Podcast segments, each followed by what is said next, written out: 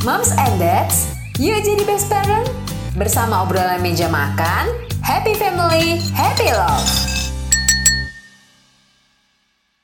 Hai Moms and Dads, berjumpa lagi dengan aku Nita di tips dan trik mengenai dunia parenting dan rumah tangga yang dilansir dari tiga artikel terbaik Nakita ID minggu ini. Sebelumnya, jangan lupa kunjungi website Nakita ID dan pastinya follow dan beri rating terbaikmu untuk podcast obrolan meja makan di Spotify. Serta nyalakan notifikasinya ya, supaya kamu bisa terinfo setiap ada episode terbaru yang tayang setiap hari Senin dan Kamis.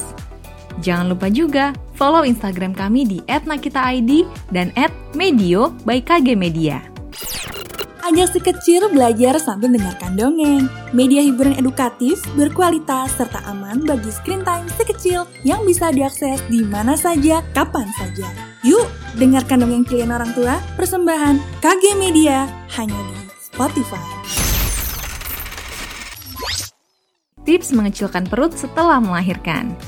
Trik mengatasi anak sakit untuk para ayah. Atasi stres ketika mengasuh anak yang menderita kanker. Selengkapnya dalam rangkuman Dunia Parenting. Topik pertama mengenai cara mengecilkan perut setelah melahirkan. Biasanya moms, berat badan wanita akan bertambah sekitar 5-18 kg selama hamil. Sayangnya, tidak ada waktu untuk olahraga rutin setelah melahirkan karena moms harus langsung mengasuh si kecil. Nah moms, ada beberapa cara untuk mengecilkan perut tanpa olahraga ekstrim setelah melahirkan yang bisa moms coba. Pertama, menyusui bayi. Siapa sangka kegiatan menyusui bisa membantu menurunkan berat badan? Melansir dari Times of India, dengan menyusui kita dapat membakar sekitar 500 kalori per hari.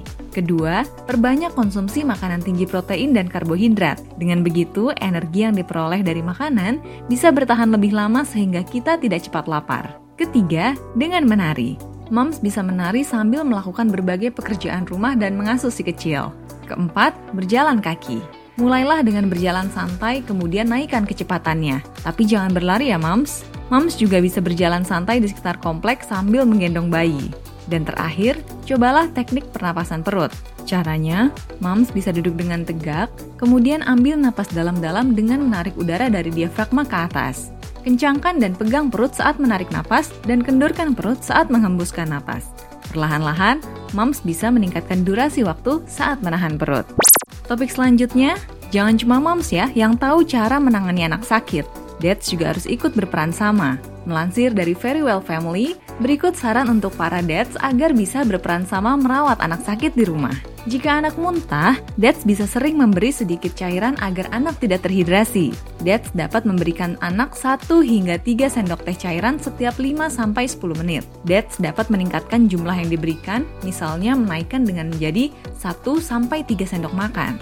Selanjutnya, jika anak pilek dan batuk, Dads bisa memberi anak obat flu dan batuk untuk membantu meredakan gejalanya.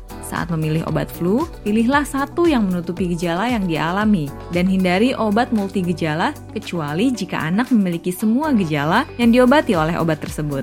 Jika si kecil mengalami kejang demam, segera cari pertolongan medis jika berlangsung lebih dari beberapa menit. Bila kejang berlangsung singkat dan anak sembuh setelahnya, Dads bisa menghubungi dokter anak untuk meminta nasihat. Kemudian, jika anak-anak mengalami sakit perut, baik sebagai bagian dari virus perut atau jika mereka mengalami sembelit, cobalah cari tahu apa yang menyebabkan gejalanya dan cari pertolongan medis jika rasa sakit terus berlanjut atau memburuk.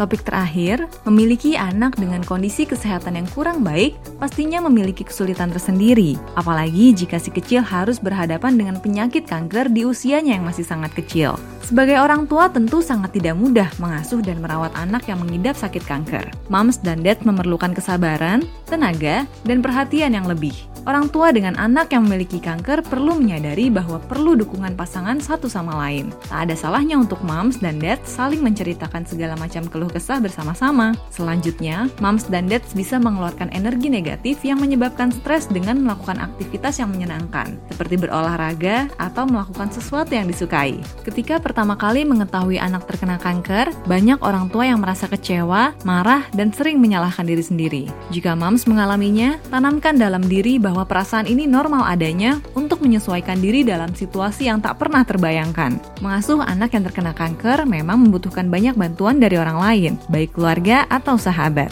Moms mungkin bisa menerima jika ada orang lain yang berkeinginan untuk membantu. Tetapi jika suasana hati selalu dalam keadaan sedih dan tak kunjung membaik, psikolog menyarankan agar moms dan dads untuk berkomunikasi dengan ahli. Demikianlah episode kali ini. Tungguin tips dan trik soal dunia parenting serta rumah tangga selanjutnya ya. Sampai jumpa di episode berikutnya, moms and dads. Thank you for listening, moms and dad. See you on the next episode. Happy family, happy love.